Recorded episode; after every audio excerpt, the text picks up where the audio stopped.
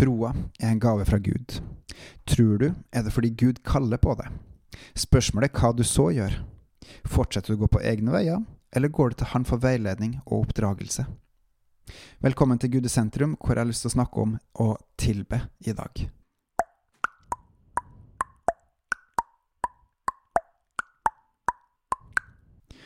I Johannes 14, 15 så står det Dersom dere elsker meg, da holder dere mine bud.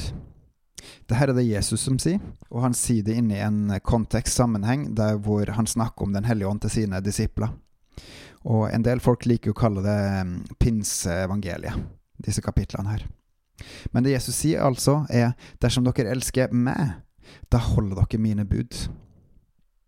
Og da har jeg noen eh, ting jeg har lyst til å poengtere her. Nummer én er elske. Hva vil det si å elske? Fordi i dagens samfunn så virker det til veldig stor grad å være eh, snakk om følelser.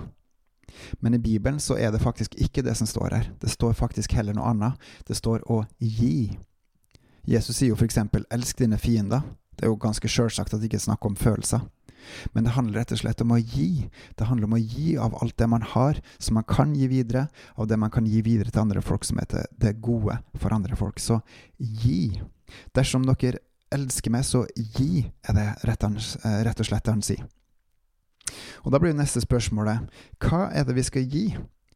Og noe av det Jesus snakker om, er bud. At vi skal følge hans bud. Hvilke bud er det snakk om? I Gamletestamentet så finnes det 613 bud, forskrifter og lover. Disse her fikk jødene overlevert til seg, og de skulle følge dem til punkt og prikke, noe som er en helt, en helt umulighet. Eh, I Nytestamentet så er det sånn at Jesus kom og oppfylte denne loven. Og han ga oss faktisk nye bud, nye bud etter den nye pakten. Det er en del kristne som fortsatt tror at vi skal følge de ti bud, som er en del av Gamle testamentet-pakten, men Jesus har faktisk oppfylt disse budene for oss.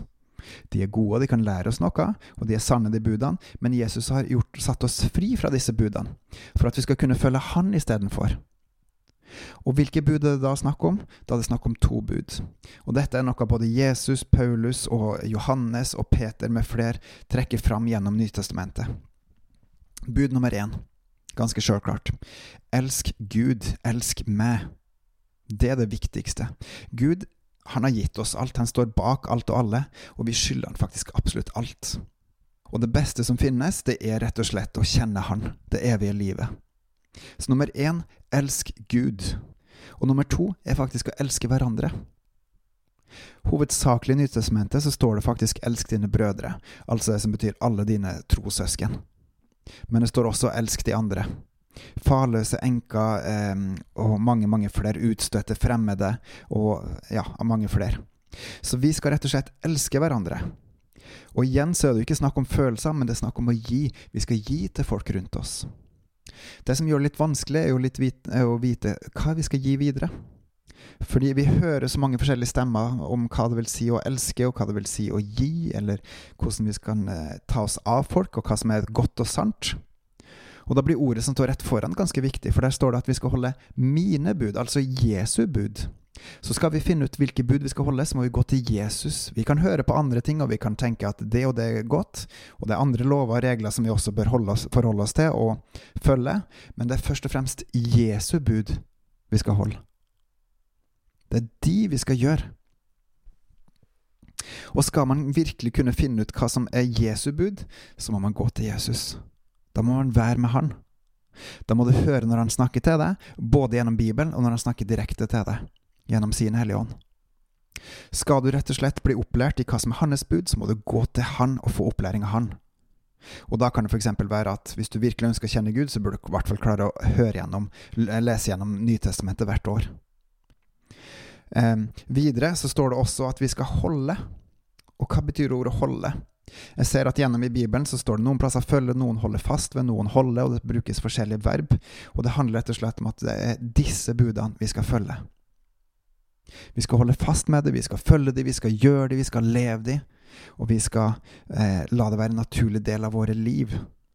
Dette er det vi skal holde. Dette er dette vi skal følge. Dette er det vi skal gjøre, rett og slett.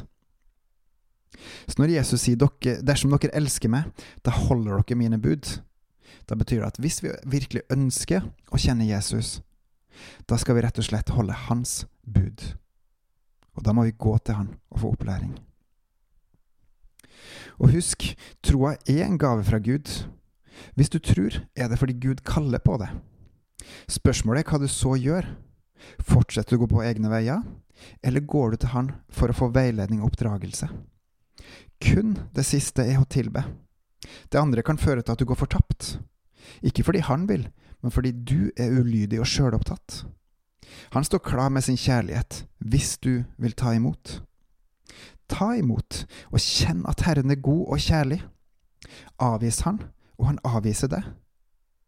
Kom til Han, Hans nåde er deg nok uansett hvilket liv du har hatt, og voks i helliggjørelsen med din innsats og Hans hellige ånd.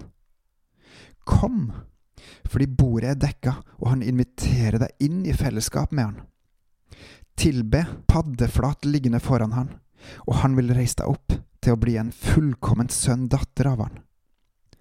Kom. Bebels og på gjenhør.